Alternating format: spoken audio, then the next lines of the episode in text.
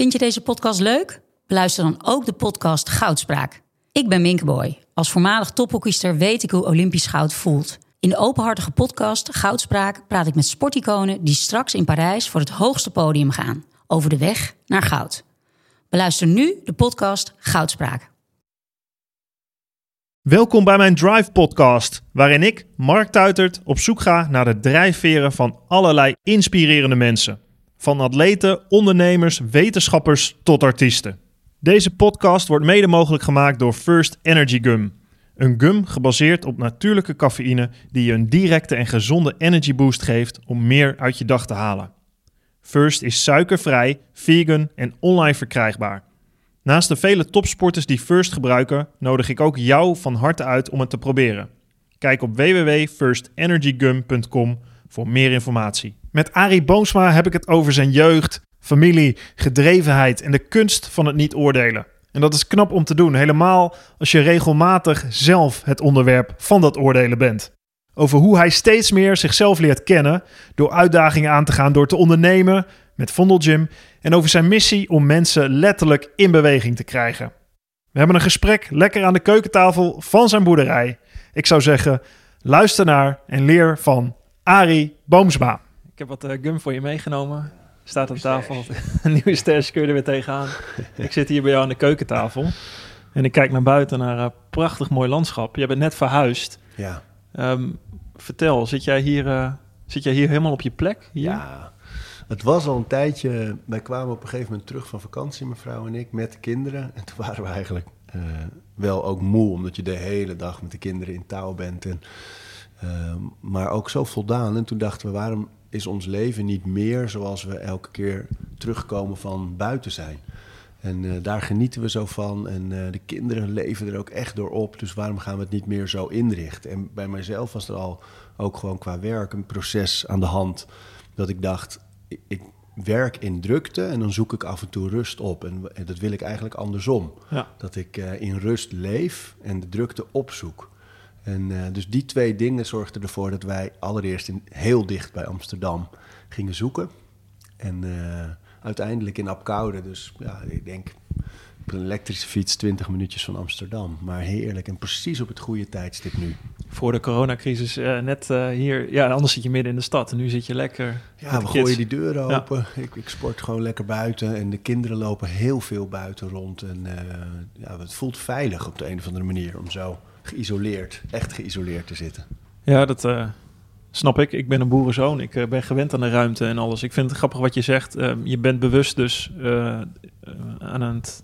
je hebt bewust gekeken en bewust die keuze gemaakt van... ik wil de drukte opzoeken als ik ervoor kies. En ik, ik heb nooit in de stad gewoond. Om die reden eigenlijk. Ja? Ja. Um, wat gebeurt er dan met je als je... Nou, ik, ik, ik ben best wel ontvankelijk voor hè, nieuwe dingen, indrukken... Um, maar ik werk het liefst in stilte en in rust. Dat, Ja. dat doe ik mijn beste werk of dan denk ik het meest na. Uh, dat deed ik vroeger al met trainingsprogramma's. Als ik die kreeg, dan ging ik voor zitten, rustig over nadenken.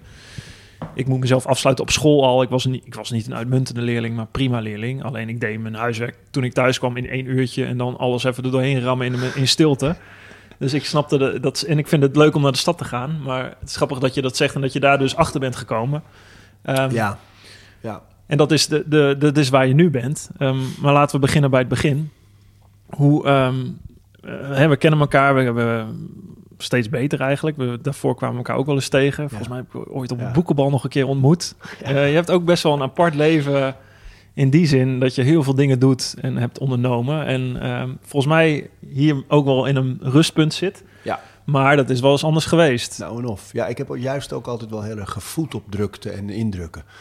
En uh, de programma's die ik voor televisie altijd gemaakt heb, gingen altijd heel erg over de samenleving. En dan vond ik het ook heerlijk om echt midden in die samenleving te wonen, tussen alle culturen en gebeurtenissen. En um, dus dat is wel altijd voor mij juist heel belangrijk geweest, om te voeden op drukte. En nu ben ik meer op een punt dat ik een duidelijke koers heb. Um, dat de structuur van mijn, de werkstructuur van mijn leven heel duidelijk is, waardoor het past nu om zo te wonen. Ja. En um, dat, dat had zelfs een jaar geleden nog niet gekund. Nee. nee. Maar hoe komt dat? Waar komt dat vandaan? Als je, als je teruggaat naar, naar jouw jeugd. Um, uh, jullie als familie, daar, daar ben je ook open over, eh, hebben veel meegemaakt. Wat, kun je eens teruggaan naar je jeugd? Ja. Hoe was dat? Jouw vader was dominee. Ja, en daardoor, mijn vader vond het leuk om een nieuwe gemeente op te zetten en dan weer door te verhuizen. Dus wij verhuisden elke vier jaar. En vaak in kleine plaatsen in de provincie. Eh, op Marken geboren. Eh Stiens in Friesland, eh, Leersum in Utrecht, eh, Apeldoorn in Gelderland. Eh, echt door het hele land gewoond eigenlijk. Elke vier jaar dus heel erg opgegroeid wel met veel buiten zijn. Maar ook in een groot gezin, altijd al een beetje op zoek naar de aandacht en de, en de uitdaging. En omdat we in kleine plaatsen woonden, ook snel verveeld. Dus wij gingen, mijn broers en ik, ik kom uit een gezin van vijf kinderen, Ja. vier jongens. Heel erg op zoek naar grenzen en uitdagingen, prikkels en, en ook vaak de verkeerde kant op. Dus het was een onrustige jeugd eigenlijk. In de zin van eh, moeilijk op school, veel spijbelen, veel geschorst Waar kwam dat denk je dan door? verveeld. Puur verveeld. Ja, ik denk de behoefte aan eh, prikkels. En die dan maar gaan zoeken in dingen die eh, buiten de grenzen lagen. Ehm, Maar behoefte aan prikkels, dat zit, ik, dat zit altijd, het is altijd een nurture-nature discussie. Eh, Ja, is denk- dat, zit, dat, kom, zit dat in je ouders? ja, mijn vader heeft dat ook. Die is ook opgegroeid. Eh, zijn vader is in de oorlog doodgeschoten. En hij is dus met een moeder opgegroeid. Maar die heeft hem op een gegeven moment toch even op een kostschool gezet. Omdat hij, hij was eigenlijk net zo'n kind als wij. Erg eh, op zoek naar uitdaging en, en, en, eh, en afleiding misschien wel het meest. En snel verveeld in autoritaire structuren. Dus op het moment dat er een, een docent voor een klas staat die zegt... dit moet allemaal zo, dat, dan, dat maakt in ons allemaal iets los... wat niet noodzakelijkerwijs constructief is voor het schoolsysteem.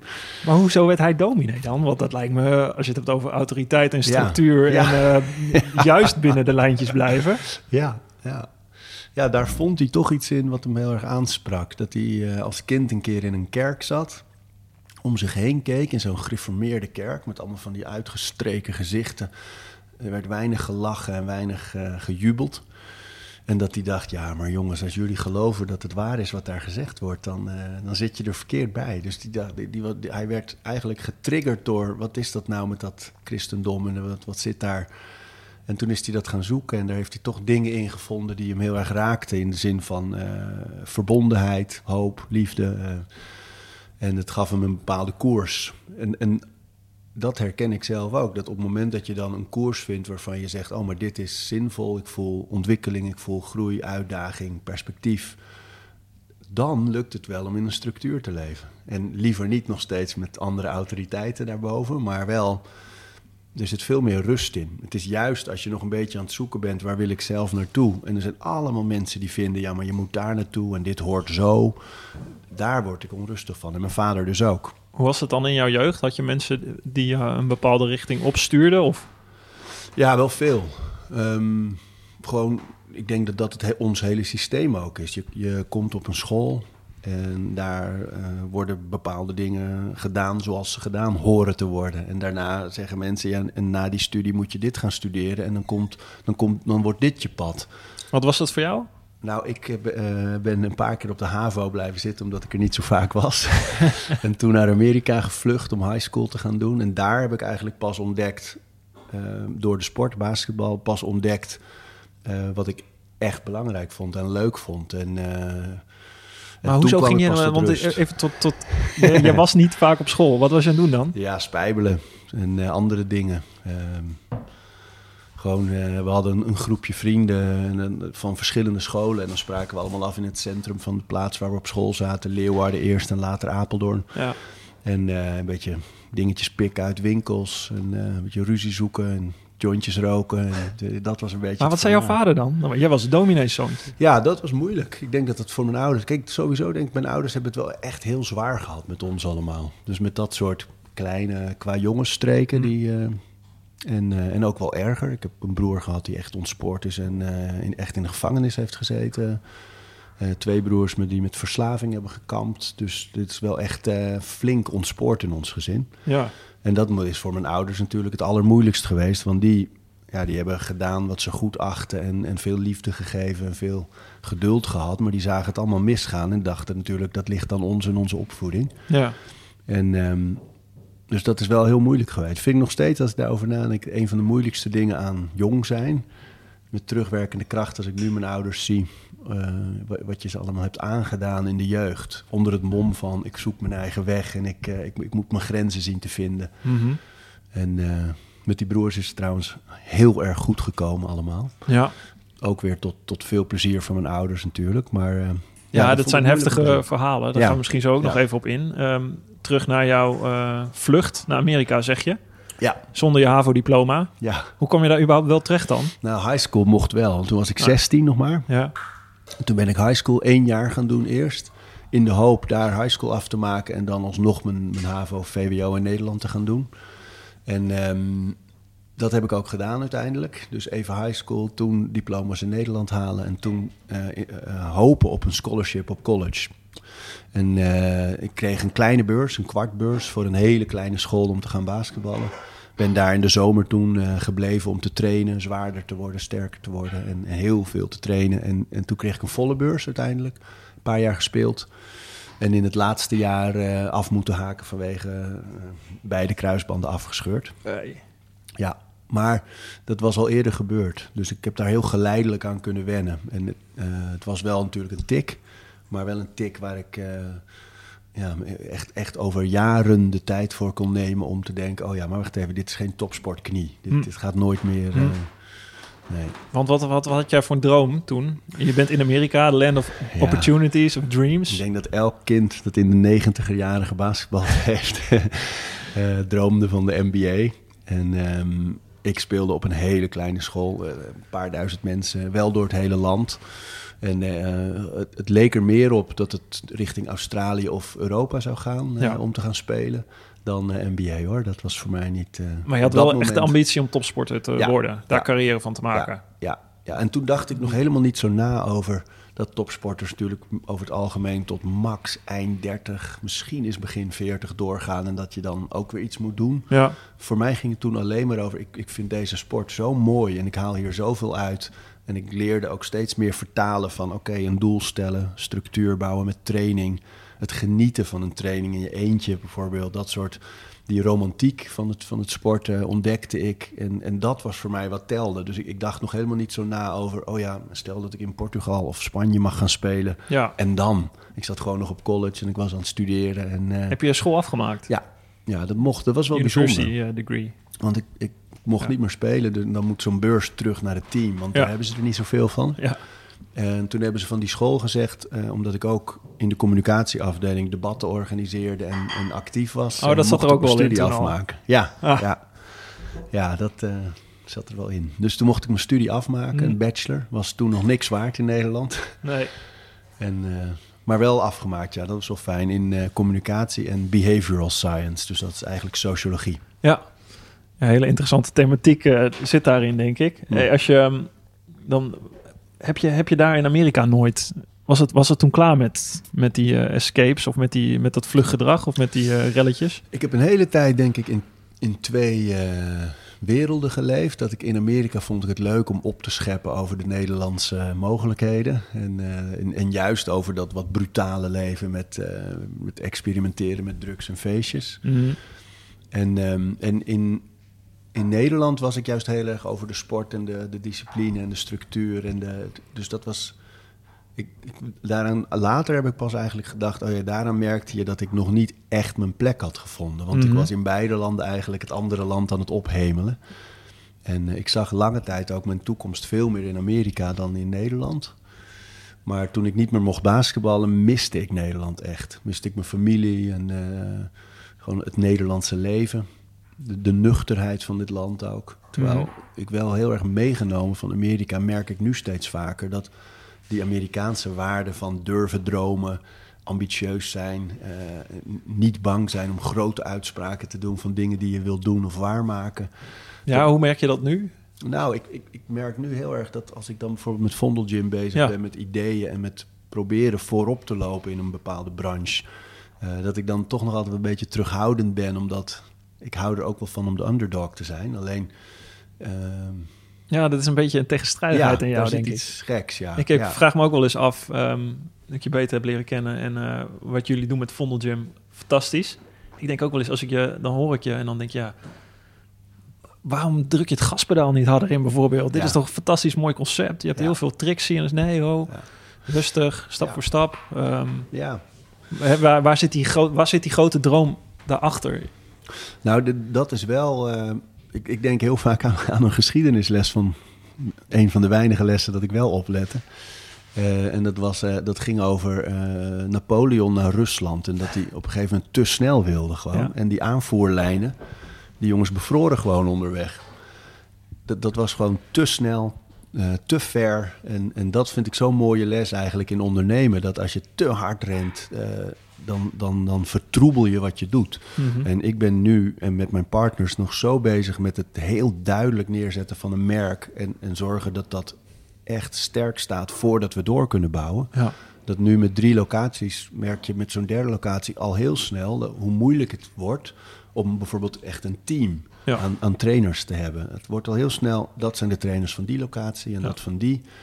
Ineens worden het meer zelfstandige ondernemers dan eh, teamspelers. Ja. Dus in dat soort kleine dingen. Ik ben nu bezig een soort merkboek te schrijven voor Vondel Gym. Van eh, wat is het nou echt? Wat, Ja. wat maakt Vondel Gym Vondel Gym? En als je bijvoorbeeld een stap zou zetten naar een andere eh, plaats of een ander land zelfs.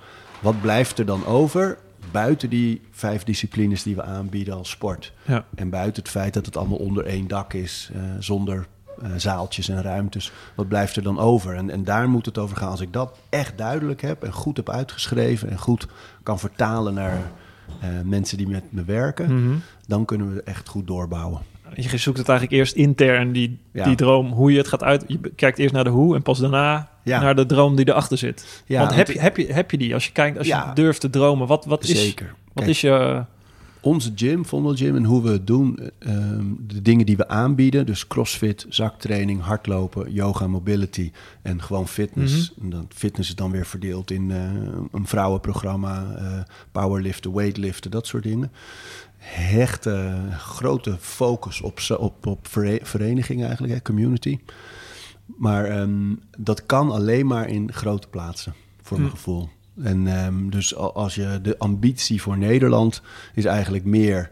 Ik, ik denk niet dat wij ooit meer dan tien gyms zullen hebben Mhm. in Nederland. En ik denk dat wij alleen maar zullen zitten in Amsterdam, Rotterdam, Utrecht, Den Haag Ja. in de toekomst. Als ik durf te dromen. Ja. Daar zijn we helemaal nog niet aan toe. Nee.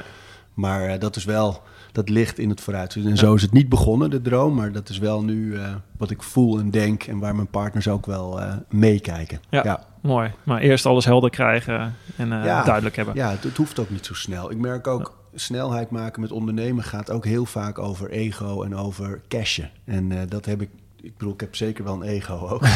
Ik denk dat ieder mens dat wel heeft. Mhm. En ik vind het ook fijn om geld te verdienen met de dingen die ik doe. Maar dat moet altijd een gevolg blijven van wat Mhm. ik doe en nooit het doel. Dus ik denk als we nu heel snel doorpakken, dan zou je waarschijnlijk, of met een grote investeerder zouden gaan werken of zo, dan zou je waarschijnlijk wel heel veel geld kunnen verdienen. En, eh, en veel aandacht kunnen krijgen ermee. Maar ik merk dat de voldoening vooral zit in echt een mooi product neerzetten en dat langzaam uitrollen. eh, zonder dat je te langzaam doet. Want er zit ook een breekpunt in als je te lang wacht van ja, je Ja. mist je kans. Ja, het is Dus- fascinerend in het leven, denk ik ook met Ja. ondernemen. Ik heb altijd, eh, ik vind de Griekse mythologie mooi, Icarus. Hè? Als je te hoog bij de zon vliegt, dan, eh, dan smelt de dan was. smelt de was. Maar als Ja. je te laag bij de zee vliegt, dan ga je kopje onder in de golven. Het is eh, ergens het eh, optimum proberen te krijgen. Dat is je grote droom. Maar wat wa- was die droom daar ook al toen je terugkwam naar Nederland dan? Want je kwam terug uit, naar Nederland, uit Amerika. Hoe, waar kwam je in terecht en hoe ging dat verder? Ja, ik kwam eh, terug met een diploma een bachelor in, in, in studies die je in Nederland ook kunt doen. Maar toen ik bijvoorbeeld op de school voor journalistiek wilde komen, dan kreeg ik te horen, ja, dan mag je het tweede jaar instromen. Nu is dat gelijkgesteld, zo'n Amerikaanse studie, maar toen Ja. niet. En toen dacht ik ineens, wacht even, ik heb ruim twintig jaar nu op allerlei scholen gezeten. En ik werkte op dat moment in de zomer in een café. En, eh, en dacht ineens van, ja, weet je, laat ik even een jaartje gewoon even goed nadenken over welke kant ik op wil. En, eh, en gewoon in dat café werken om mijn geld te verdienen. Daar rolden wat kleine modeklusjes uit. En eh, ik vond dat toen wel even best.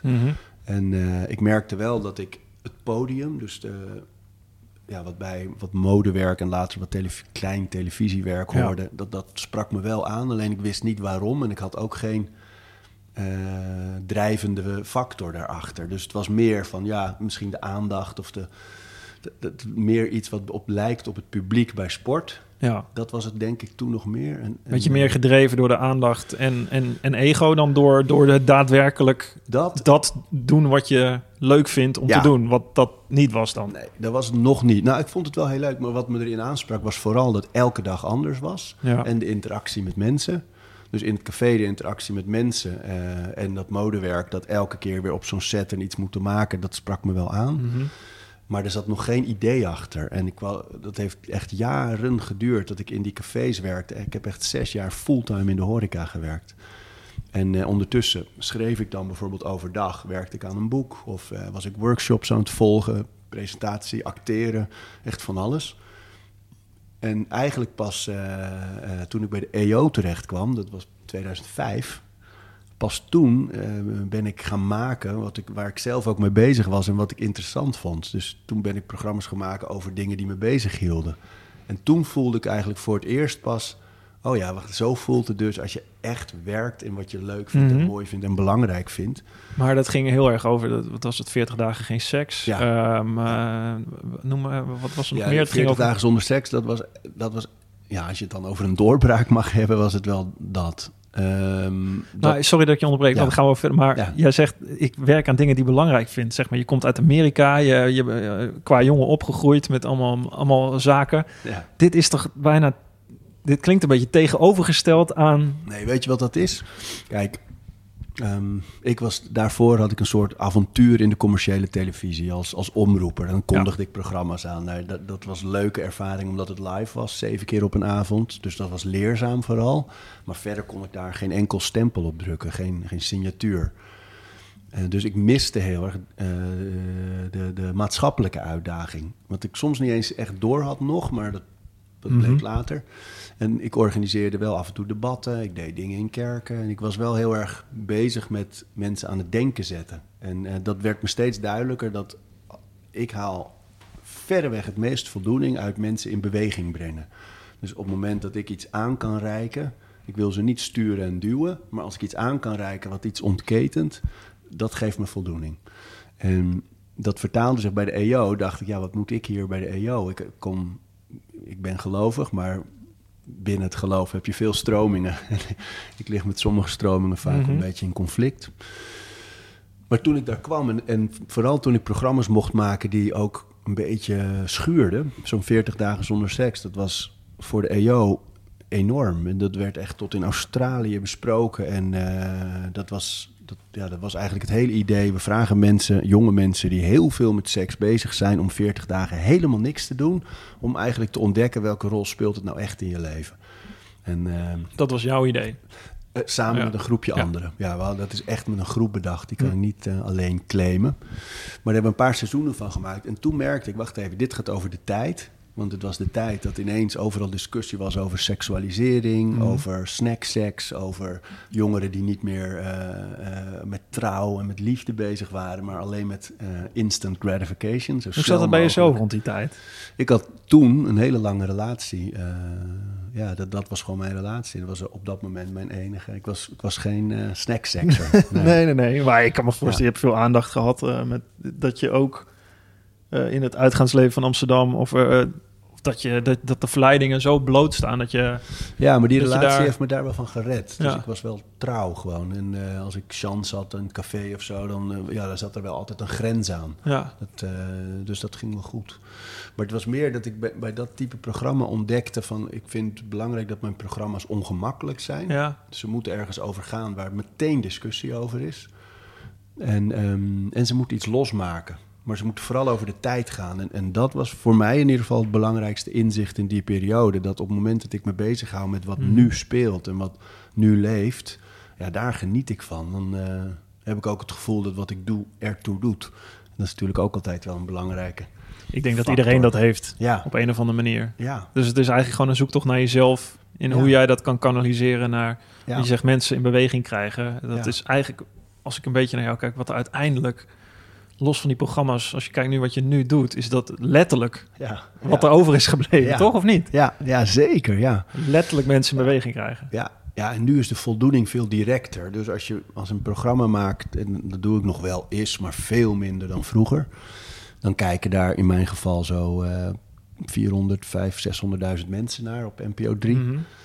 of op net 5 later. En ehm, dat is natuurlijk in een gym veel minder. We hebben 6000 leden ongeveer. En, eh, maar, maar die voldoening is veel directer. Dus nu als ik de gym inloop en ik zie die rode gezichten en mensen eh, met veel plezier sporten of elkaar opzoeken buiten de gym en dat je zo'n community kan bouwen, dat is een hele directe voldoening.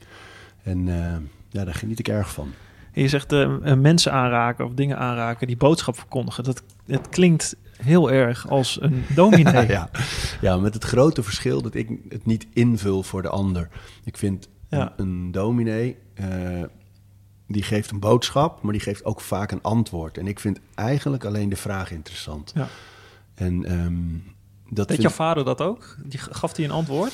Ja, ja, zeker wel. Mijn vader is wel, dat betreft, echt een dominee. Maar hij, hij was wel bovenal bezig met prikkelen. Dus die haalde ook wel vaak de actualiteit of de kunst of eh, dingen erbij om, om mensen aan het denken te zetten. Maar ehm, waar ik zelf het vooral heb als het over geloof gaat, over Mm. zoeken, over twijfelen, over niet zeker weten, is voor mijn ouders, voor mijn vader, is het wel heel erg van dit is de Ja. weg. Ja. En, eh, Die twijfel ja, niet, dus- niet toelaten. Ehm, eh, eh, veel minder in ieder geval. En eh, alleen ik, ja, ja, dat is het verschil tussen een dominee en wat ik doe, denk ik. Een dominee he- heeft ook de antwoorden en ik vind het alleen maar leuk om die prikkel te veroorzaken. En daarna moet er iets gebeuren. En eh, Dat iets gebeuren zit er ook wel in. Het is niet alleen de vraag stellen en over nadenken. Er moet ook wel... ja, het moet wel een goede vraag zijn eigenlijk. Een, een goede vraag moet iets ontketenen en dat is wel wat er gebeurt. En, eh, en ik denk wat, wat alles, als je gewoon over alle dingen die ik gedaan heb, met name televisie, maar ook nu, is dat het altijd over mensen gaat die op een kruispunt staan. Dus ze nemen een beslissing in hun leven en daarna verandert er iets. En dat vind ik een heel mooi moment. En dat is in sport natuurlijk ook heel vaak zo. Dat iemand doorheeft, wacht even, ik ben niet blij met hoe ik leef. Mhm. En sport kan daar een rol in spelen. Of ik mis structuur, of ik mis ritme, of ik ben te zwaar, of ongezond, of niet sterk genoeg, of wat dan ook. En bij mijn programma's was dat, hé, hey, ik, ik leef niet mijn eigen leven, of ik ben niet helemaal wie ik wil zijn, of Mhm. ik durf niet te zijn wie ik ben, of eh, ik moet iets overwinnen. En, en al die dingen bij elkaar zijn eigenlijk voor mij heel erg hetzelfde. Of het nou in een gym is of eh, in de maatschappij. Trekt het jou op een of andere manier ook? Want je hebt met jouw broers heb je het van heel dichtbij meegemaakt. Mensen die op een kruispunt staan. En eh, nou ja, we zeggen de verkeerde kant op gaan. Maar dat is natuurlijk... Het is maar net hoe je het zelf beoordeelt. Ja. Dat, eh, ik ken ook mensen die... verslaafd zijn geweest. Of nou ja, mijn eigen moeder die aan depressiviteit leed. wat, een, wat een ziekte is. Hoe, ehm, hoe stond je daarin? Want jij, ehm, ja, heb je, je hebt daar zelf geen eh, last van gehad in die zin. Ja, ik weet, het is lastig om het te benoemen. Ja. Last van, de verkeerde kant. Dat zijn eigenlijk begrippen die niet Ja. helemaal daarop toepa van toepassing zijn, vind ik. Nou, ik denk, kijk, ehm, in de gesprekken met mijn broers is mij één ding duidelijk geworden. Verslaving is, dat is echt een dodelijke ziekte. Dus Ja. als mensen bijvoorbeeld tegen mij gekscherend zeggen, hey, ben je verslaafd aan sport? Dan zeg ik altijd, nou, eh, ik denk dat ik het moeilijk zou vinden om het een dagje niet te doen of, eh, of twee dagen. Maar verslaafd, ja, dat is echt dodelijk. Maar jij hebt ook, En- jij hebt ook wel een soort. Het is Ik heb wel verslaving. monomaan. Ja, een, op, een, Ja. een soort obsessie daarmee, toch? Ja. ja, ik, Ja. ik- het is geen, ik heb het zelf. ik ik ik kan, we kunnen elkaar de hand schudden. Paul Kaatsik, ja. Ja, precies. Nee, ehm, Maar ik ben geïnteresseerd in jou. Waar, jij dat- waar komt dat vandaan? En in je broers zit het. Nou, ik denk, kijk, wat er overblijft van, van als, je, als, je, als je al verslaving eh, als iets positiefs zou kunnen zien, dan is het een, een echt een monomane gerichtheid op iets en je vast kunnen bijten en, en daar heel veel voor durven laten. Alleen ik denk, waar iets verslaving wordt, dan gaat er iets kapot. Dus op het moment dat je met sport bijvoorbeeld bezig bent op een manier dat anderen daaronder lijden, of dat je niet blij bent of overtraint of over dan denk ik, dan, dan zit je aan de verkeerde kant van verslaving. En de, en de goede kant, als die bestaat, Ja. die, dat is de gerichtheid, de focus, het, het eh, durven offers te brengen. ehm, en heel erg vasthouden aan één ding. En dat is natuurlijk wel, ja, als dat drugs is of iets dat kapot maakt, dan, eh, Ja, heb je een probleem. En als dat sport is of iets dat iets brengt, ja, dan kan je het ten goede keren. ja, het zijn twee kanten van dezelfde medaille misschien wel. Ja. Als je, je, je, dat wat jou drijft ook, en wat, wat heel veel mensen misschien hebben, wat ze drijft, kan natuurlijk ook een vernietigende kracht zijn als je te ver doorschiet. Dus dat Ja. is ook weer dat Icarus-verhaal. Waar vind je de balans? Maar Ja. waar ging dat... Als je kijkt naar- bijvoorbeeld naar jouw broers, waar, waar zat dat grote verschillen met jou dan? Waarom... Nou, ik ben van nature overmoedig en optimistisch. En ik, ik, ik denk zelf wel eens dat dat misschien ook wel komt door die Amerikaanse periode. Mhm. Dat ik daar wel iets heb gevoeld en er, heb ervaren. eh, wat altijd weer zoekt naar veerkracht. En eh, dat als ik een- tik krijg van het leven, of als ik iemand verlies, of als ik. eh, dan is dat. Ik kan heel droevig zijn. En ik weet dat jij van de Stoïcijnen houdt, dus dan herken je dat. Ik, je, je moet, ik kan een emotie vol aangaan. En dan na een bepaalde tijd bedenken: oké, maar nu is het klaar. En nou ga ik weer opstaan verder. Ja. En dan kan ik heel goed loslaten. En, ehm, en, en zij minder, denk ik. Dus ik denk bij verslaving is er altijd natuurlijk iets dat het ontketent. En dat kan een bepaalde ontevredenheid of eh, onzekerheid zijn of een eh, twijfel aan van alles. En, en wij vinden het zelf in het gezin eigenlijk heel moeilijk nog steeds om te bepalen wat is dat nou geweest. Bij mijn jongste broer denken we wel eens dat dat kwam omdat hij tegen ons allemaal opbokste. En zelf ging zoeken naar iets waar hij zich in eh, kon laten gelden. En bij- Klaas, mijn andere broer, eh, ja, ik, ik weet het niet zo goed. Ik vind het heel moeilijk. Hij heeft er een heel mooi boek over geschreven, Ren voor je leven. En ehm, daar wordt wel duidelijk hoe diep geworteld zoiets eh, is. En, en ook hoe je daar heel mooi uit kan komen. Maar eh, ik vind het heel moeilijk om te bestempelen in een gezin met vijf kinderen. Zijn er twee verslaafd en dit is de reden. Hmm. Dat, dat, dat, dat lukt me eigenlijk niet zo goed. Behalve dan wel dat het bij Klaas voor mijn broer, die, die heeft wel altijd iets sombers ook gehad. En ehm hyperintelligent. Ik, ik denk dat daar ook wel een combinatie zit met vluchten, verdoven, eh, niet willen denken, niet willen zijn. Ehm, ja. Wat, eh, wat is het voorbeeld wat jij... Voor, waar, wat was het moment dat het, dat het daar... Dat, je, dat jij als broer dan ehm, het best eh, daar heel zwaar mee had? Wat was het meest donkere moment waar je wel uit bent gekomen? Nou, als broer voel je, voelde ik me in ieder geval ook schuldig vaak. Als ik dan bijvoorbeeld een avondje mee was geweest eh, met, eh, met, met, met eh, drank met name, of soms drugs ook wel op een gegeven moment. Dan kon ik me schuldig voelen. En, en wat ik heel erg moeilijk heb gevonden is dat het beste om te doen is keihard afstand nemen. Ja. En zeggen: nee, ik leen geen geld uit. Nee, we gaan niet meer samen. Nee, we gaan niet. Ik, nee, ik wil geen contact totdat. Maar eh, daar zit altijd een soort angst bij van als je dat doet, dat iemand breekt en dat iemand permanent weg is. Weet je, je hebt in geval van verslaving, en zeker ook bij ons is dat gebeurd, eh, ook momenten dat iemand eh, ervoor lijkt te gaan kiezen niet meer te willen leven.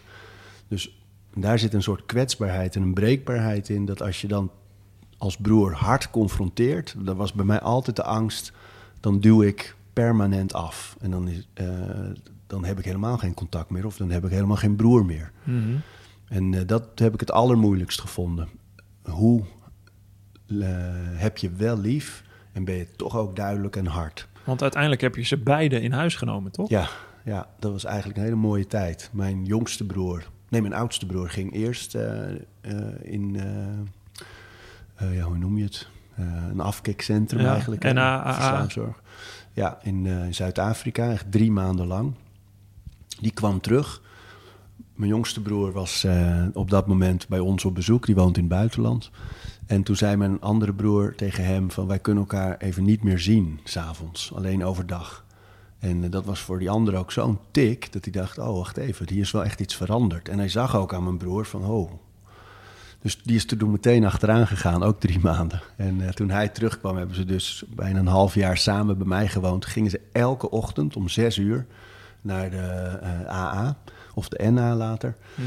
En ehm, in die program, dat zullen ze allebei benadrukken, de, de combinatie van de program, dat, dat werkt gewoon echt. Twaalf stappen is oh dat toch? man, ja. Ik heb daar zelf ook zo ontzettend veel van geleerd. Ja? van, ik denk voor ieder mens, van die dingen als... ehm, dat je je niet veel zorgen moet maken om wat achter je ligt. En, en ook niet om wat voor je misschien ligt. Maar dat dat nu geldt. Dat is heel erg waar zij, just for today, waar ze mee bezig zijn. En ook het mensen opzoeken waar je misschien iets hebt laten liggen ooit. En uh, daar dat confronteren. Um, heel veel waardevolle dingen in die, in die twaalf stappen. Maar wat ik, wat ik zag is die discipline van elke dag, elke dag, elke dag. En dat buddy systeem. En uh, dat is allemaal zo mooi. En dat in combinatie bij mijn broers in ieder geval met sport, met hardlopen en met uh, mijn andere broer duikt en organiseert hikes. Um, die combinatie, ja, die heeft ze gewoon allebei nu ruim zeven jaar al uh, nuchter gehouden. En ook twee broers gewoon teruggekregen. Dus allebei een gezin, allebei blij, productief. mooi, mooi perspectief, mooi doel. Gewoon totaal andere mensen. Ja, hè? ja. En hoe wat, was dat bijzonder? Ik kan me voorstellen dat het bijzonder is dat je ze dan allebei in huis hebt en dan misschien toch het gevoel hebt dat je ze daarmee dan kan helpen. Of was dat bewust toen zij die stap namen dat jij dacht, oké, okay, nu, nu uh, ja, het was kan ook, ik er ook voor jullie zijn? Kijk, mijn, mijn, mijn jongste broer die woonde dus in het buitenland en was er, dus die had geen plek. Ja. En, um, en die meetings, kijk, mijn ouders woonden op dat moment in Nijverdal in het oosten. Ja, dan heb je denk ik geen AA-meetings. Weet ik niet zeker. Weet ik niet zeker. Misschien nee. ook wel. Maar in ieder geval in Amsterdam heb je meer keus. Um, en mijn andere broer, zijn vriendin had tegen hem gezegd... Uh, het is klaar, laten we ons huis verkopen. En uh, ik ga hier niet mee door. Dit nee. maakt me kapot. Dat is wel waar veel van zulke mensen ook in terechtkomen natuurlijk. Ik ja. ken het bij mijn moeder een beetje, die, die depressief was. Op een gegeven ja. moment gaat de omgeving uh, zich vervreemden van jou. Ja, ja. ja, en ik denk, zowel bij depressie als bij verslaving... je wil het misschien niet, maar ze zeggen niet voor niks. Uh, iemand die verslaafd is, gaat geen relatie aan. Die neemt een ander in gijzeling. Ja. En dat is echt, uh, echt wat er gebeurt. Dus achteraf uh, is dat een hele goede beslissing geweest. Maar daardoor hadden ze dus allebei geen plek. En vond ik het ook logisch. Uh, ik had een goed huis. Ik woonde alleen. Dus uh, om dat mm. te doen. En um, ja, dat was een hele bijzondere periode. Gewoon wel met twee matrassen in de woonkamer. En afgesproken, elke ochtend als jullie opstaan, die matrassen aan de kant. En we hadden een hele Spartaanse structuur in ja? huis. En ja, Echt het Spartaanse, back to the basics. Ja, vroeg naar bed. Discipline. Opruimen. Ja. Is dat ook iets wat, je dan, wat jullie dan misschien gemist hebben ergens? Of dat je dat, weet je, het, als je heel vrij bent, kan ik me voorstellen, wat je vertelde over je jeugd, dat je veel reist en veel ja. kattenkwaad uithaalt. Ja, ik maar heb... we waren niet zo, mijn ouders mm. waren wel ook wel streng hoor. Alleen, kijk, mijn vader was zo met die kerken ook bezig en dat is zo, dat is fulltime, dat is zeven dagen in de week. Ja. En uh, mijn moeder heeft het zwaar gehad met ons vooral. Het is, het is heel gek als je terugkijkt op je opvoeding met verslaving. Bijvoorbeeld denk je heel lang, oh ja, dat doe je als je op bepaalde leeftijd. Dan drink je net iets te veel Ja. en dan zoek je je grenzen op. En voordat je doorhebt, wacht even, hier is echt iets aan de hand. Dan ben je echt zo 10, 12, 15 jaar verder. Tjee, Ja, dat is heel gek. Dat eh, hoor je van iedereen die dat van de zijlijn... en Misschien wil je het ook wel denken. Hè? Voordat je denkt verslaafd, dan denk je aan een junkie die op straat leeft. Dan denk je niet aan je broer. Nee. En, eh, Nou, ik heb wel eens gelezen dat hers, hersens, je hebt zelfs epigenetisch kunnen de, als je heel lang, dat is vroeger mensen die heel lang honger leden, kunnen epigenetisch een soort aanpassing in hun DNA krijgen, waardoor ze bijvoorbeeld hun kinderen iets overdragen, wat dan weer een soort uh, obesitasgen zou kunnen zijn, omdat het werkt allemaal, die, hoe de hersens, hoe, hoe het fysiek in elkaar zit, is zo bijzonder. Dat kan hè, dat voor ieder gentype of ieder, het zijn allemaal weer andere combinaties. En voor hoe jij ermee omgaat, deels door nurture natuurlijk verhaal. Ja. Of dat jij een andere weg hebt meegemaakt ook. Dat kan allemaal weer... Het is toch fascinerend, vind ik altijd. Ja, Hoe dat allemaal verschillende richtingen aan kan gaan. Dat vind ik ook mooi aan jou, dat je... Wat jij doet, ehm, je doet heel veel verschillende dingen. Je bent, nee, als je kijkt wel toen met die tv-programma's en de cover waarvoor je staat en waar je nu bent, het is ook volgens mij een hele zoektocht geweest ja, ja. naar zonder te oordelen. Want dat, dat, Ja. dat eh, je, je zegt vragen, maar ik vind het knap dat je. Ja, die, en dat komt Dat vind echt van mijn ouders. Mijn moeder, eh, dat zonder te oordelen, dat van kleine opmerken als wij ruzie hadden op school, eh, dat ze zei, ja, maar ken je misschien de thuissituatie van die andere jongen? Ja. Ik dacht, fuck hem, de thuissituatie. Een klap op zijn bek kan die krijgen. Maar eh, dus altijd maar verplaatsen, altijd maar empathisch. Wat als kind natuurlijk super vervelend is om daarmee geconfronteerd te worden. Maar mijn moeder, en dan haalde ze weer een dakloze een paar weken in huis. Of eh, echt van alles. Soms kwamen kinderen uit de jeugdgevangenis, een paar maanden bij ons wonen. En dus de, mijn moeder is heel erg oordeelloos altijd geweest. En dat, hebben we, dat heb ik echt wel van haar. En ik merk ook, ik vraag me nu bijvoorbeeld heel vaak af als je dan op social media kijkt hoe mensen reageren. Hoe fel ze kunnen reageren op iemand die ze niet kennen. En dat ik dan denk van ja, maar het heeft werkelijk nul invloed op jouw eigen leven. Hoe, hoe die ander leeft en hoe die ander doet. Waarom vind je hier iets van? Waarom moet je er iets van zeggen? En dus het, het hele fenomeen oordelen is, is me ook echt vreemd. En verbaas ik me echt veel over. Waarom, vaak. waarom denk je dat? Waarom reageren mensen zo? Waar zit, wat zit erachter, Ik denk, dat er altijd iets anders achter zit. Dat heb ik wel. Vind ik eh, een van de programma's die ik heb mogen maken, een paar seizoenen, is over de streep. Over eh, klassen op scholen, waar we probeerden de leerlingen elkaar echt te leren kennen. En wat daar altijd uitkwam, is dat het gedrag van iemand in 100% van de gevallen een andere reden heeft. Dus Ja. Als iemand eh, op straat eh, woedend wordt, ja, dan is er iets aan de hand. Daar, daar, daar is een reden voor. En ehm, ik denk met social media is dat ook. Als je ontevreden bent over je eigen bestaan en ontevreden bent over je eigen kansen en je ziet iets bij een ander wat afgunst of woede triggert, dan kan het een heerlijk ventiel zijn dat je even openzet om, om gewoon lekker te fulmineren. Ja. En ehm, Ik heb een podcast Ja. opgenomen met Elke Wis over Socratische vraagstelling. En Stoïcijns filosofie. eh, zo, er zit zoveel wijsheid in al die, eh, oude, al die oude materie. ja, Eh, wat ik, dat zei zij ook, gaf zij ook aan. Dat vind ik ook trouwens. Eh, die meningen die, die geponeerd worden. We leren niet meer om te vragen naar iets. Hè. Het zou veel beter zijn om tijd te steken een hele goede vraag te verzinnen. Als dan maar even je mening, ja, die ergens vandaan komt, ja. op tafel te kwakken. Maar ook, ook in een gesprek, omdat ik hoorde ook, ook in een podcast een eh, heel mooi verhaal van iemand die zei: Je hebt gesprekken die energie zuigen en energie geven. En ehm, het is, als je bijvoorbeeld een vriend bent of een kennis of een partner, dan, dan moet je ervoor zorgen dat je vragen stelt op een manier die die ander ruimte geven. Ja. Die man gaf het voorbeeld van ehm, zijn zoon was met een paar andere jongeren in een auto-ongeluk gekomen. En eh, er was een tijdje onzeker of ze het overleefd hadden. En hij vertelde dat aan zijn beste vriend. En die beste vriend die had gezegd: Oh man, ja, ik heb ook een keer zoiets meegemaakt met, weet je dat, Ja, uit de behoefte te identificeren en te, te spiegelen. precies. Goed bedoeld, alleen daar heb je niks aan. Een andere vriend zei: Oh, hoe was het toen je hem door de deur zag komen en je wist dat hij nog leefde? En dat gaf hem alle ruimte om emotioneel te worden, om te vertellen, om beelden te hebben en om liefde te tonen. En Mhm. dacht ja, dat is natuurlijk wel het mooist als het zo werkt. Ja, En, in de eh, ideale wereld. Ja, maar Ja. social media lenen zich daar Ja. wel heel erg voor. Dat je, Om dat wel zo te doen. Ja, ja, Ja, om open te gooien en om... eh, ja ik vind dat inderdaad een heel, heel ambivalent stuk. Aan de ene kant heb je... Het is zo, social media, zo mooi ook. Je kan heel veel dingen volgen. Jij luistert podcast. Ik denk, Ja. we hebben heel veel interesse in sport. Ja. Eh, Je kan je, de beste sportwetenschappers kun je volgen. Ja. Of schrijvers. Waarvan je denkt, wow, zo had ik er nog niet over nagedacht. ja, Aan de andere kant zit een heel direct eronder. een heel stuk direct, deel.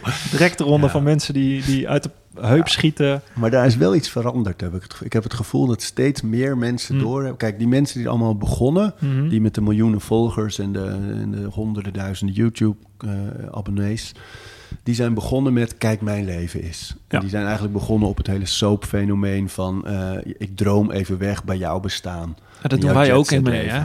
Dat doen we soms ook in mee. Ik jouw foto's eh, online. Ik probeer er af en toe Ja. ook wel wat te, te, te sturen, Ja, weet je. Dat, Ik denk, dat, en dat vind ik bij jou ook goed. Het gaat wel vaak over je werk en je kennis. En je hebt, en eh, ik denk wat ik zelf ook probeer. Ik probeer wel altijd iets aan te reiken en te Hm. geven. Hm. En niet, ik, ik, ehm, ik probeer, en dat heb ik ook wel anders gedaan in Mhm. tijden. Maar ik probeer niet te veel te, te zeggen van, hey, kijk eens waar ik ben. hey, kijk eens wat ik heb. hey, kijk Mhm. eens hoe ik eruit zie. Maar hey, kijk eens, dit kun jij ook. hey, kijk eens, ik doe dit, probeer het ook eens. hey, kijk eens, hier is kennis. hey, kijk eens, hier is inzicht. Eh, En dat vind ik waardevol. Dus voor mij, social media moet blijven gaan over geven en delen en raken. En niet over eh, laten zien. ja. Maar als je, eh, begrijp je dat mensen over jou zouden kunnen denken van... Ja, hij oordeelt niet. Hè? Dat probeert hij echt niet te doen. En dat kan ik beamen. Ik ken je inmiddels dat je dat ook niet doet. Vind ik knap. Maar het kan ook zoiets zijn dat mensen, ja... Wat, ben jij de perfecte gast of zo? Dat je dat nooit doet. Hè? Dat, dat aura, dat je, Ja. dat je bent zoals je bent. Maar iemand heeft daar weer een mening over. Ja, ja. Ja, dat vind ik ook wel eens. Ik, ben, ik heb het losgelaten om daar dan iets mee te doen. Dus ik, ehm, in die EO-periode was er altijd zoveel media-aandacht voor alles dat ik deed, dat ik heel, toen heb geleerd in mijn uitingen, in hoe ik eruit zie, in wat ik vind, in wat ik maak, zullen er altijd mensen zijn die het tof vinden en mensen zijn die het stom vinden. en, Mhm. en daar heb ik geen invloed op. Ik kan wel denken, oh maar wacht, als ik dit maak, vindt iedereen het tof, dus ik ga alleen maar dat maken. Maar dat is nep. Dus ik, ik, heb liever eigenlijk dat ik weet, ik ga deze kant op en er zullen mensen aanhaken en er zullen Mhm. ook mensen afhaken. En dat is oké, want ik ga alleen maar die kant op. Maar begrijp je dat die mensen dat Ja. denken of kunnen zeggen? Begrijp kunnen ik vinden? heel goed, alleen het maakt me niet meer zoveel uit. En vroeger wel. En Ja. nu, ehm, het, het is hetzelfde als nu plaats ik bijna elke dag workouts op mijn Instagram. En dat er dan iemand bijvoorbeeld ook altijd wel onder zet, hè, ga eens lekker zitten. Of hè, eet eens een kroket. Of dat soort. Ja, jij wordt aangehaald in iedere conferentie als het gaat om het toonbeeld van fitheid. Dan, dan pakken ze jou erbij natuurlijk. Je bent Ja, maar bekend weet je wat het en- gek is? Dan denk ik, jongens, er zit 24 uur in dat etmaal. Dus als je 20 minuten eh, training op video zet en online... ik, ik zou bij wijze van spreken 20 uur lang kroketten kunnen eten, zittend... eh, en het niet laten zien, maar dat Mhm. betekent niet dat het niet bestaat. En, dus ik vind het dan eerder... Ik moet er natuurlijk over nadenken, wat laat ik zien... en is dat een realistisch beeld van wie ik ben en eh, van wat ik doe? Dat vind ik een waardevolle vraag. Ja, is dat? Wat, eh, Ja, ja, dit is hoe ik leef. Ik, ik heb ook. ehm, ja, maar een je, je- kun je altijd een realistisch beeld laten zien van wat je doet? is meer de nou, vraag. je- kijk, je, ja, het is niet 24 uur ongoing. En ik, eh, er zijn ook dingen die ik niet laat zien. Ehm, ik- Zoals? nou, de kinderen bijvoorbeeld steeds minder. Ja. Dus de, kinderen, de gezichten van de kinderen doen we al een tijdje niet meer op social media. En dat is het voorbeeld. Ik weet dat als ik een foto met een kind plaats, met een van mijn kinderen, dan, ja, dan schieten de likes door de roof. Ja. Ehm, alleen eh, dat is niet waar, de kant die ik op wil. Ik ben heel erg blij met mijn kinderen en, ik, en ze horen bij mijn leven. Dus ik laat ze zien Mhm. eh, zonder gezicht. Ja, je beschermt een deel privé. Ja, en en, dat- ik ga niet om de likes. Mhm. Dus ik, ik, ik plaats bij wijze van spreken nog liever een gedicht waar nul likes op komen. Ja. Af en toe ook, omdat ik het ook mooi vind. Dus ik heb liever dat het echt is wie ik ben en waar ik mee bezig ben, dan dat ik alleen maar nadenk over het effect.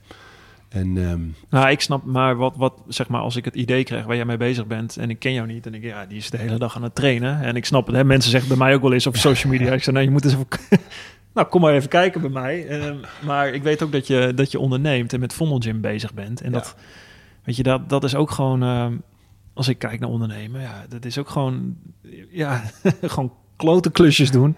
En Ook, gewoon de hele dag ja. bezig zijn ook over dingen na te denken, maar ook dingen op Ja. te starten, mensen aan te sturen. ja, ik et wel- cetera, et cetera. Ik vind het dan wel leuk om daarover te vertellen soms. Dus Ja. wel over het ondernemen vertellen. En ik doe ook, net als jij, wel veel lezingen over ondernemen. Mm, Maar jij hebt hetzelfde als ik. Dat er toch ook nog genoeg mensen zijn die denken... ja, jij hebt alleen je gezicht geleend voor First. Ja. En de jongens, die, de Ja. partners van je, die ondernemen. En Ja. dat is bij mij ook. Dat mensen zeggen... Ik krijg soms echt letterlijk de vraag... En, eh, maar doe je zelf, geef je zelf ook les bij Vondel Gym, bijvoorbeeld? Ik heb eh, bij ons op kantoor, de me- die meiden en jongens die bij ons werken, die zeggen, ja, ik heb wel eens familie die vraagt, ja, maar is Mark dan ook echt op kantoor? Ja, Je moet wel heel erg lachen. ja, en dat... En, dus ik, ik, eh, ik heb het best wel veel over Vondel Gym voor mijn gevoel, ook op mijn socials. Ja. En ik, ik praat veel over ondernemen en toch... En dat bedoelde ik net. Je hebt Mm, je hebt natuurlijk wel invloed op wat je laat zien en, en op je eigen beeldvorming. Maar er is ook altijd nog een beeldvorming gaande waar je weinig tot geen invloed op hebt. En ik heb losgelaten om die te proberen te beïnvloeden. precies. Ja, dat doe ik ook niet. Dat is ook gewoon echt niet leuk om te zien. En Eh, dat je gaat dat compenseren ook. Dan ja, ik zit achter een laptop Ja. twee uur. Wat moet ik in godsnaam daarover zeggen? Ik heb dit gedaan, dat gedaan. Nee, je gaat compenseren, maar dat bedoel ik een beetje. Je kan nooit alles laten zien. En de, het antwoord is misschien eigenlijk, ja, dat moet je ook helemaal niet willen. Of je laat, een, Nee. je laat altijd een gedeelte zien. Nou, en je moet niet... Kijk, hier ligt... We hadden het net even voordat Ja. we begonnen over dat boek van, van Steven Pressfield, The War of Art. En hij heeft een heel mooi eh, stuk over hacks. Dus dat zijn mensen die gaan doen Ja. wat populair is. Ja. Dus bijvoorbeeld een schrijver gaat een boek schrijven waarvan die weet... dit vinden mensen tof, dus ik ga het maken. Ja. Maar dat is altijd nep. Daar kan je heel succesvol en heel rijk mee Je kan worden. het uh, control, copy, control paste. Ja. ja. Maar dat is niet je echte koers en dat is niet wat voldoening geeft. Nee. En ik denk daar moet het volgens mij ook in gaan in de dingen die je doet. Dat als je zelf heel erg hartstochtelijk bezig bent met, ja, met, met, met wat je doet, Hmm. dat is het belangrijkst. En daar haken mensen op aan. En er zullen ook altijd mensen zijn Ja. die zich eraan storen. Of die denken, ja, hou nou eens op met die rekken. Ga zitten, klootzak. Heeft hij weer een oef. ja, het is wel... Ja, maar, maar dat geeft niet. En, en, en helemaal nu trouwens, ik vind het nu belangrijker dan ooit om veel inspiratie te geven, veel type trainingen te laten zien en mensen gewoon lekker veel aan te reiken van wees creatief, blijf in beweging. Ja, dat vind ik nu belangrijker dan ooit. Ben je, hoe, ehm, hoe heb jij je leven op een moment ingericht, zeg maar? Ik heb wel het idee, je hebt, je hebt veel meegemaakt. En volgens mij heb je een soort transitie doorgemaakt van die tv-carrière model naar, naar ook aandacht zoeken, maar ook gewoon een boeken schrijven. Je hebt heel veel verschillende dingen gedaan, allemaal Ja. in zoek. Je bent, ja, als ik, je woont niet meer in Amsterdam, hier buiten in de, in de Ja. open lucht. Ben je ergens op een punt nu dat je denkt van, eh, met een familie, je hebt heel, hè, je, het is, ik heb het idee van wat, eigenlijk wat mijn vraag gewoon is, wat, wat is jouw wat is je, de, de bovenliggende waarde waar, waar, jij, waar jij het voor doet? Waar je, waar je je hele leven misschien naar op zoek bent geweest? Of wat je nu denkt, van wat is dat? Nou, ik denk dat dat misschien wel hetzelfde is bij iedereen. Dat je, ik wil een perspectief hebben, ik wil ergens naartoe kunnen bouwen. Dus Ja. ik, ik wil, als ik ergens aan begin, dan, dan moet wel een soort stipje zijn ergens van daar gaan we naartoe. Ehm, ik geniet heel erg van het creëren en de ruimte die nu bij Vondel Gym bijvoorbeeld is om zowel creatief te zijn als gewoon hard te ondernemen. Ja. Ehm, en ik merk, waar ik altijd bang voor was, dat als ik een gezin zou krijgen, dat mijn eigen ambities minder zouden worden, Hmm. omdat dan je kinderen en je gezin het belangrijkst zijn. En hoewel dat zo is, dat je kinderen en gezin het belangrijkst zijn, merk ik dat mijn ambitie juist gretiger geworden is. Dus ik weet veel beter, dit wil ik. En ik doe vooral heel veel dingen niet daardoor. Ik laat veel meer liggen. ja, want als ik jou een e-mail stuur, dan krijg ik een, Ja. eh, dan krijg ik een, auto-reply. krijg ik een auto-reply. Ja, ja, maar daar had ik op een gegeven moment... Ik was op een gegeven moment in, in uren... was ik een volle werkdag bezig in de week... met alleen maar e-mails beantwoorden. En hoe meer ik terugstuurde, hoe meer ik kreeg. Dus toen heb ik bedacht... ik ga een auto-reply zetten die 80% van de mailtjes eh, overbodig maakt om te beantwoorden. Namelijk alle verzoeken voor van alles. Eh, daar zeg ik gewoon in die mail al nee op. Dus Ja. die hoef ik niet meer te beantwoorden. Die verwijder ik meteen. Ja. En ehm, sommige dingen stuur ik door mijn agent. En nu ineens heb ik echt maar... Nou, ik, ik kan echt in een half uur... Misschien is drie kwartier per dag... kan ik al mijn mail bijwerken. Maar hoe doe je dat zakelijk dan met Funnel Gym? Ik kan me voorstellen dat Ja. je daar niet... weet dat je, zijn de lopende dingen. Dus als, die- ik, eh, als ik met First eh, een mailtje stuur naar Ja. mensen en ik krijg auto-reply, dan het eerste wat ik denk, eh, hoe, huh? ja. What the fuck? Nee, de, de, de lopende reactie. zaken... Kijk, ik, als het zakelijk belangrijk is, bel ik nu. Ik ben weer veel meer gaan bellen. Ja. Dus WhatsApp en, en mail probeer ik, zo, probeer ik echt terug te dringen.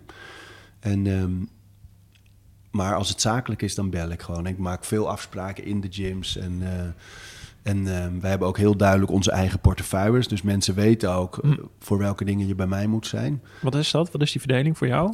Nou, ehm, ik heb meerdere partners. Eh sommigen zijn heel goed in de boeken. En dat ben ik niet. En, eh, dus ik zit meer aan de kant van de marketing, van de sfeer, van het- merk zelf. En van ehm, eigenlijk de dingen eh, om de gym heen. Hè. Dus ehm, dan hebben we iemand die echt, echt op de vloer aanwezig is. We hebben mensen die zich vooral op horeca eh, storten. Eh, bij mij gaat het vooral heel erg over naar buiten toe. De, de communicatie, de marketing, de branding. Ehm, heel erg over het merk intern van wie zijn we, wat doen we, wat is de sfeer, hoe vertaalt zich dat naar lessen en, eh, en, en trainers. Dus dat is mijn taak heel erg. En het overleg onderling met dat team hecht houden. En als we door gaan bouwen, weet je, hoe gaan we dat doen? Dus daar, daar zit eigenlijk allemaal mijn... eh, ja, ik ben denk ik bij ons, met de boeken bemoei ik me totaal niet. Maar verder wel de, de enige die eigenlijk tussen al die portefeuilles het meest heen en weer dwarrelt. Ja. Die, eh, ja, De lijm. ja, ja, ja. Maar ik ben blij. Zonder partners zou ik dit niet kunnen doen, omdat ik gewoon. Ik ben zakelijk wel beter geworden, maar dat is niet mijn. eh, ik zou al het geld dat we verdienen meteen weer uitgeven. en nee, dat, dan zouden we zakelijk. Dan zouden we misschien zo'n coronacrisis niet eens overleefd hebben als ik, eh, als ik het alleen doe. Ja. Nee. Ja, ik heb ook, eh, ik heb ook veel met compagnons. En dat, dat, dat is denk ik heel mooi. Ook een wisselwerking waar je heel veel van kan leren. Helemaal eh, ondernemersgebied. Het is ook gewoon leren door te doen. Ja, En niet doodgaan. Blijven leven. maar ik, zit, ik denk steeds terug aan je vraag van. Ik heb namelijk. Ehm, als je, ik, ik woon nu heel mooi en mijn gezin, er komt een derde kindje aan. En het voelt op heel veel vlakken als... eh, van de week vroeg iemand, die kwam hier op bezoek en die keek zo en die zei... Ja, is het leven nu voltooid? Ja. Klonk voor mij als euthanasie. Ja. voltooid leven. Alleen, eh, dat gevoel heb ik helemaal niet. Ik heb wel het gevoel dat veel meer dingen in mijn leven kloppen. En tegelijkertijd voel ik wel, heb, geniet ik heel erg van de boeken die ik nog wil schrijven. de- het bouwen aan de gym. eh, ja, het, het gewoon doorwerken. Ik geniet gewoon heel erg van elke dag werken. Ja. En, eh, dus het voelt voor mij helemaal niet als, als afgeronde zaken. Of, eh, maar ik heb ook niet heel erg, zoals wat je vroeg, zo'n overkoepelend ding Mm. van... oh ja, maar daar moet het nou precies naartoe. Of zoals een vijfjarenplan of zo, dat soort dingen. Heb jij Ja. dat? Ja, ik heb het wel. ehm, ik, ik heb wel vijf jaren plannen. Ja. Wel, ik heb wel een idee. Nou, ik, heb meer, ik werk meestal met, verschillende scenario's. Dus ik heb in mijn hoofd, en ik schrijf ze af en toe ook op. Ik heb wel drie takken die over vijf jaar. eh, waar ik een idee van heb. Dit wil ik ongeveer gedaan hebben over twee, drie jaar, vijf jaar. eh, en, en niet heel veel verder. Ik heb niet een. eh, weet je, tuurlijk wil ik met First een, een, een gaaf merk, een bedrijf bouwen. En eh, dat wereldwijd uiteindelijk doen en een merk bouwen. En het, het zou mij heel, heel trots maken als we, als, als we daar met z'n allen van zouden kunnen leven. Dat we mensen aanraken, dat we een heel tof team om ons heen hebben. Dat lijkt me tof. Maar ehm, ja, dat is, een, dat is vrij lange weg. En eh, dat is mijn les van ondernemer. Dat is niet volgend jaar, dat is niet over twee jaar. Je moet Nee. nu, in het hier en nu, iedere dag daar keihard mee bezig zijn. Ja. En ik herken je wel in dat doel. En dat is ook wel met topsport. Als je één gouden medaille hebt eh, en daar dat doel stelt, dat is een heel groot doel.